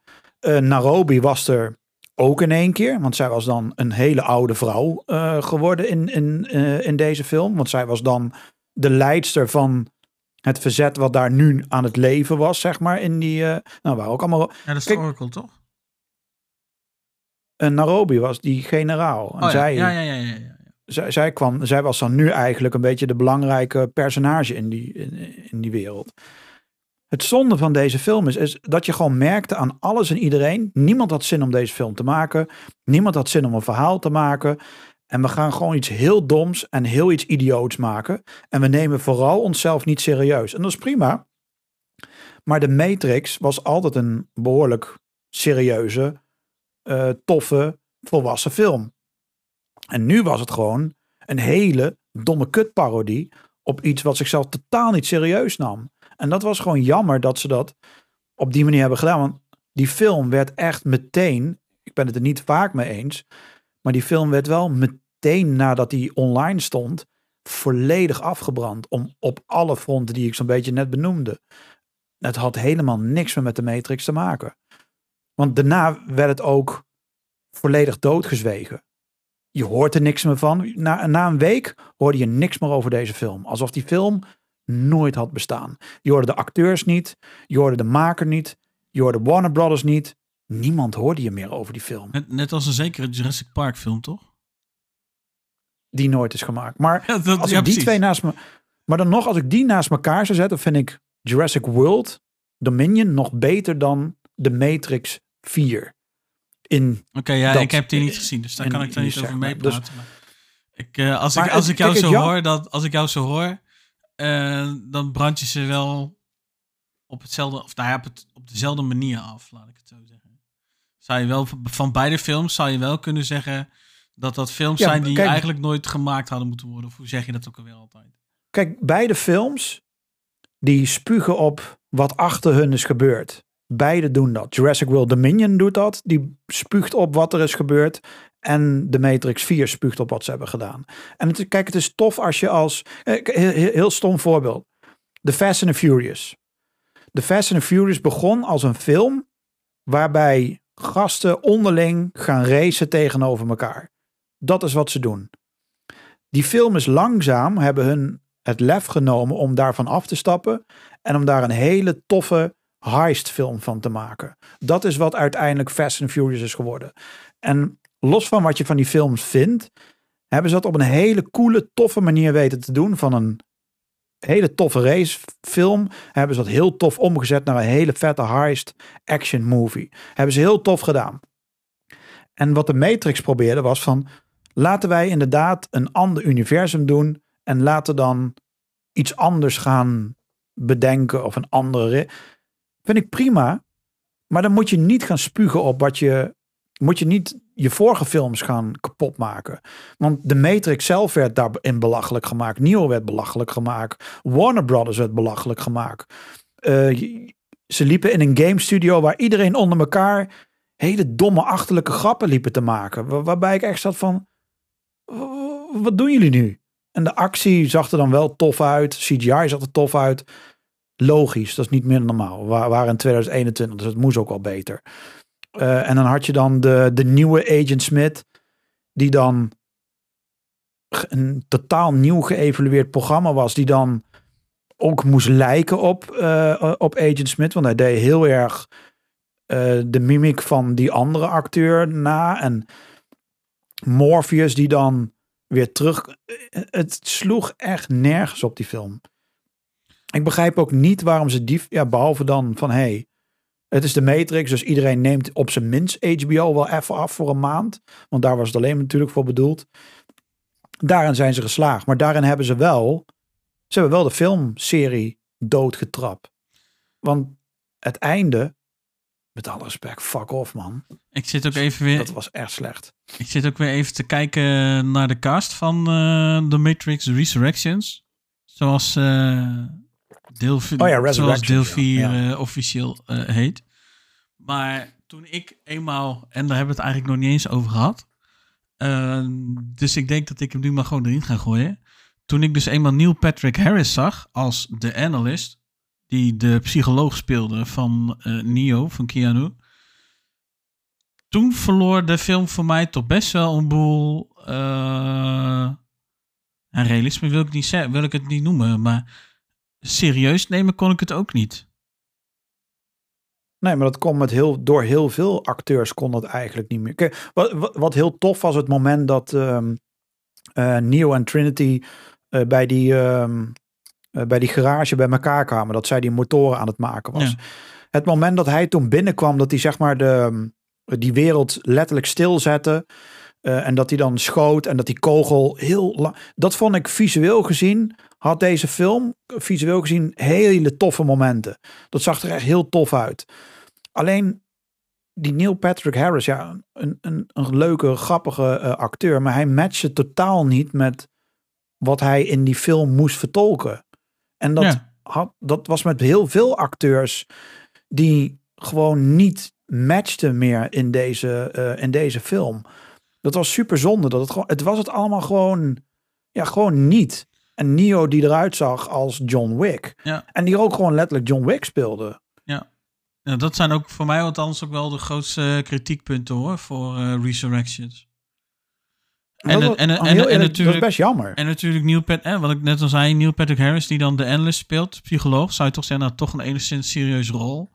En eh, ja, eh, Neil Patrick Harris is natuurlijk ook een acteur, dus wat dat betreft zijn dat ook dingen die hij dan ook wel zou moeten kunnen. En tot op zekere hoogte speelt hij wel die psycholoog of de analyst eh, in dat opzicht wel goed. Maar aan de andere kant, hij heeft het imago er niet voor. Nee, hij dat- matchte totaal hij- niet erin. Ja, precies. Dus ja, en dat is, doet best wel afbreuk aan zo'n rol, vind ik. Ja, dat, dat zo. Kijk, en dat, dat is gewoon jammer dat hun geforceerd die film. Kijk, heel vaak zeggen we dus: het zou heel top zijn als er. eh, bijvoorbeeld bij Back to the Future wordt heel vaak gezegd: hoe vet zou het zijn om een vierde Back to the Future te krijgen? Of een nieuwe Beverly Hills Cop. Of een nieuwe Lethal Weapon. Eh, tuurlijk, eh, zou hartstikke tof zijn. Maar het werkt niet altijd. Het werkt wel, maar dan moet je wel de, de tijd ervoor nemen. Het was hetzelfde als met Lord of the Rings en The Hobbit. The Hobbit was ook gewoon niet helemaal het niveau wat Lord of the Rings had. Omdat eh, Lord of the Rings, dat bestond uit veel meer boeken. En daar hebben ze veel meer content uit weten te halen. En daar hebben ze drie hele vet films van gemaakt. Bij The Hobbit hadden ze maar één boek. En daar hebben ze drie films over geprobeerd. Het matchte gewoon net niet helemaal lekker. Maar het nam wel serieus wat er was gebeurd. En bij deze eh, film, Resurrections, ja, ik zat naar een parodiefilm te kijken. Ik, ik weet nog, ik keek ernaar en eh, in de eerste paar minuten had ik al zoiets van... Waarom is deze toon meteen een comedy? Waarom zit ik naar een kut comedy te kijken? Niet zomaar een comedy, gewoon echt een hele slechte comedyfilm. Die, wat gewoon een parodie is op wat ik vroeger heel erg tof vond. Want ik heb daarvoor heb ik Matrix 1, 2 en 3 gekeken. En daarna, dat weekend, heb ik toen eh, deze Matrix film gekeken. En toen dacht ik van ja, het, het is het gewoon op, op geen enkel vlak is deze film. Het mag niet eens de Matrix heten. Met alle respect, het mag niet eens zo heten. Het, het, het is zonde. Het is echt oprecht zonde. Het eh, ironische is dan weer wel dat eh, eh, de regisseur van de John Wick films, die heeft blijkbaar ook een rol in The Matrix. Ah, oké. Chad, Chad Stahelski is dat. Die heeft blijkbaar ook een rol of iets in, Oh ja, ik zie hem inderdaad, in, ja. in ja. de Matrix. Dus dat is ook wel... Dat zie ik ook nu pas hoor. Dus eh, ik, zit wel een beetje te kijken. Huh? Kijk, ik heb het idee dat de Matrix eh, is gewoon heel snel, die laatste Resurrections, is gewoon heel snel tussendoor gemaakt van, hé hey jongens, hebben we nog wat tijd over? Eh, ja, we hebben nog wel wat tijd Ja, over. Henk schiet op. nou oké, dan dan knallen we even deze parodiefilm eruit, weet je. Want ja, Max komt eh, ja, over een maand of twee, drie. En ja, we moeten wel wat hebben, weet je. We moeten die hebben, we hebben Mortal Kombat later. Ja, we moeten wel wat hebben. Of net omgedraaid. Eh, we moeten wel iets hebben, anders dan houden die abonnees niet vast. Ja, oké, weet je, dan knallen we dit eruit. En dan doen ze dat. Want als ze gewoon de tijd hadden genomen om een hele toffe Matrix te maken... dan had het best wel tof uitgepakt kunnen worden. Maar aan de andere kant denk ik van, joh... Niet, niet alles kun je vervolgen had, had een prequel gemaakt of iets, maar niet. Want die hele film is nu, uh, misschien kunnen we wel een beetje richting die eind. Ja, ja dat uh, zat ik ook al te denken inderdaad. Gewoon, misschien een mooi Want- bruggetje ook naar het volgende punt. Zit er nog toekomst in de Matrix? En ik denk eh, dat we allebei toch wel eensgezind zijn in het antwoord. Ja, ik denk, ik denk heel eerlijk. Ze hebben bewezen dat ze het niet meer kunnen. Met Resurrections hebben ze laten zien. Wij kunnen geen Matrix film meer maken. Oké, prima. Dan moet je het ook gewoon niet meer doen. Laat het voor wat het is. Wat misschien wel, wat ik wel interessant zou vinden, eh, is als ze een, een, een, serie zouden maken van één seizoen of zo, van een paar afleveringen, wat zich voor de Matrix afspeelt, de eerste film. Dus dat je echt ziet van oké, dit is, ehm, dit want dat is ook het toffe aan de Terminator. Eh, daar komt op een gegeven moment natuurlijk een Terminator uit de toekomst en langzaam gedurende de film zie je eh, een beetje stukjes van dit is wat er uiteindelijk gaat gebeuren in de toekomst. Het begint met een, met een simpel schaakspelletje dat, en dat wordt groter, groter en dat wordt een AI.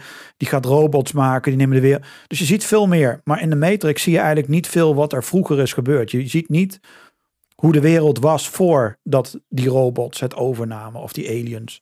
En het zou misschien wel cool zijn om te laten zien van kijk, dit is hoe de planeet was. En dit is wat er gebeurde waardoor die aliens kwamen, eh, die de wereld verwoesten en die hebben de Matrix opgebouwd. En dat lijkt me op zich wel tof om dat in, ik denk niet in een film, want daar is het denk ik, daar is het verhaal misschien te complex voor om dat te vertellen.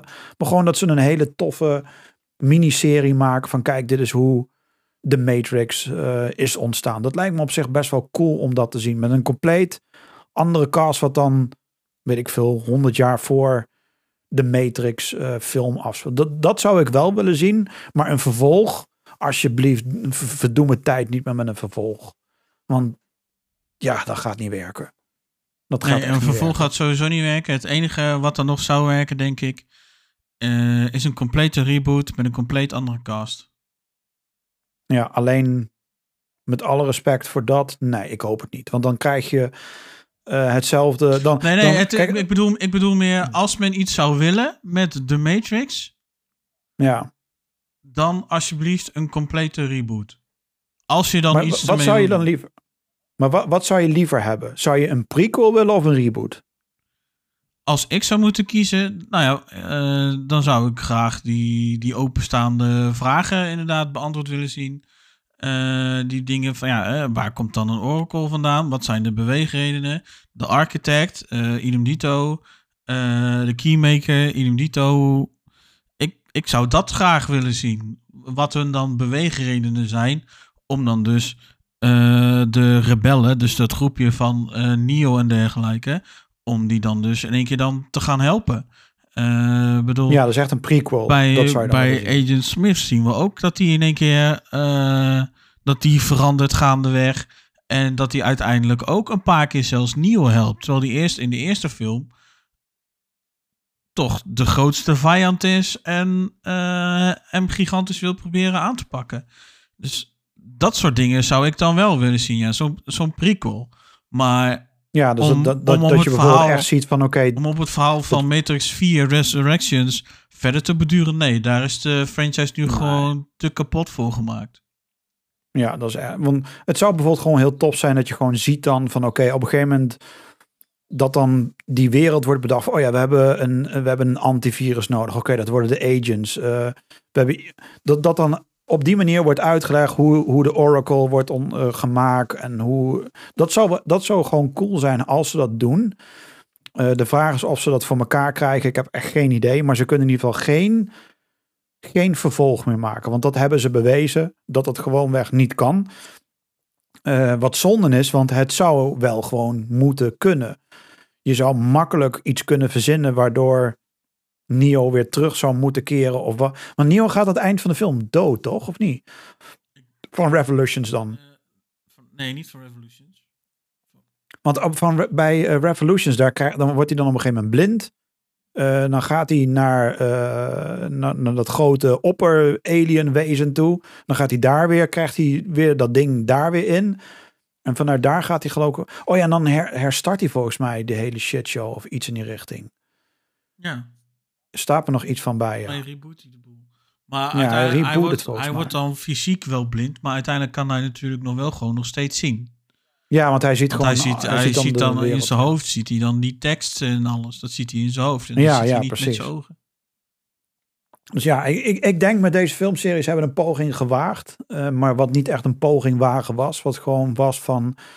Ja, shit, we, hebben, we zitten in een pandemie. Resurrections we is wat hebben- dat betreft gewoon een recipe voor disaster geweest. Zo Ja, zie ik was het echt. echt en dat is echt eeuwig zonde geweest.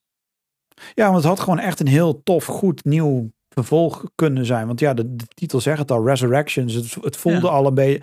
De titel geeft het een beetje aan van ja, we rebooten het, maar ook weer niet. Daar komt het een beetje op neer.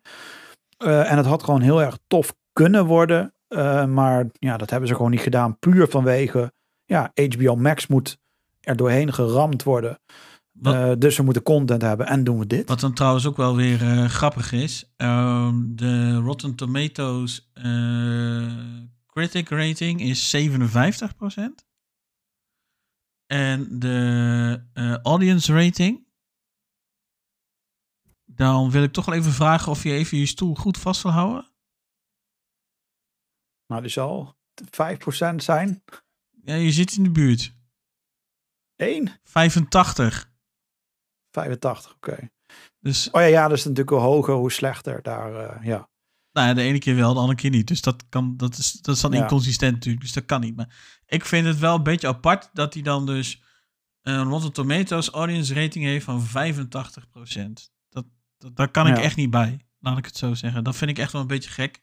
En mijn eigen rating is zo te zien eh, drie van vijf sterren. Dus op zich... eh, Oké, ja. Ja, ik vind dat deze film nooit had gemaakt mogen worden in deze manier. Dat heeft de, dit heeft de film gewoon heel veel schade toegedaan. Dat heeft de legacy van de Matrix gewoon heel veel eh, naar de kloten geholpen. Eh, en dat is gewoon zonde. Is gewoon echt oprecht. Want ik weet nog toen die film werd aangekondigd, ik zag die trailer. Ik dacht echt van super tof. Want wat, wat, een beetje een gimmickje was van ehm, eh, dingen van Neo. Wij zagen hem als Neo.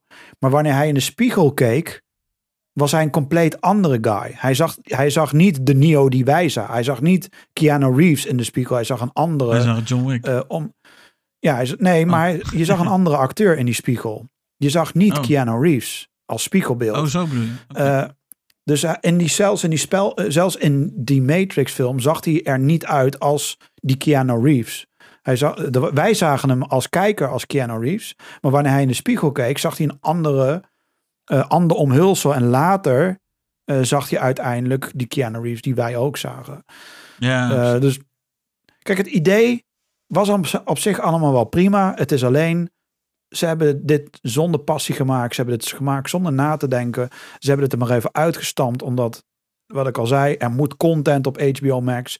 En ja, als je de Matrix terug gaat halen, dan wilt iedereen die dienst afnemen. Want iedereen wil de Matrix kijken. Want de Matrix is zo'n eh, belangrijke, toffe film geweest vroeger. eh, dat iedereen zoiets had van ja, we zijn wel toe aan een nieuwe Matrix film. Kom maar op.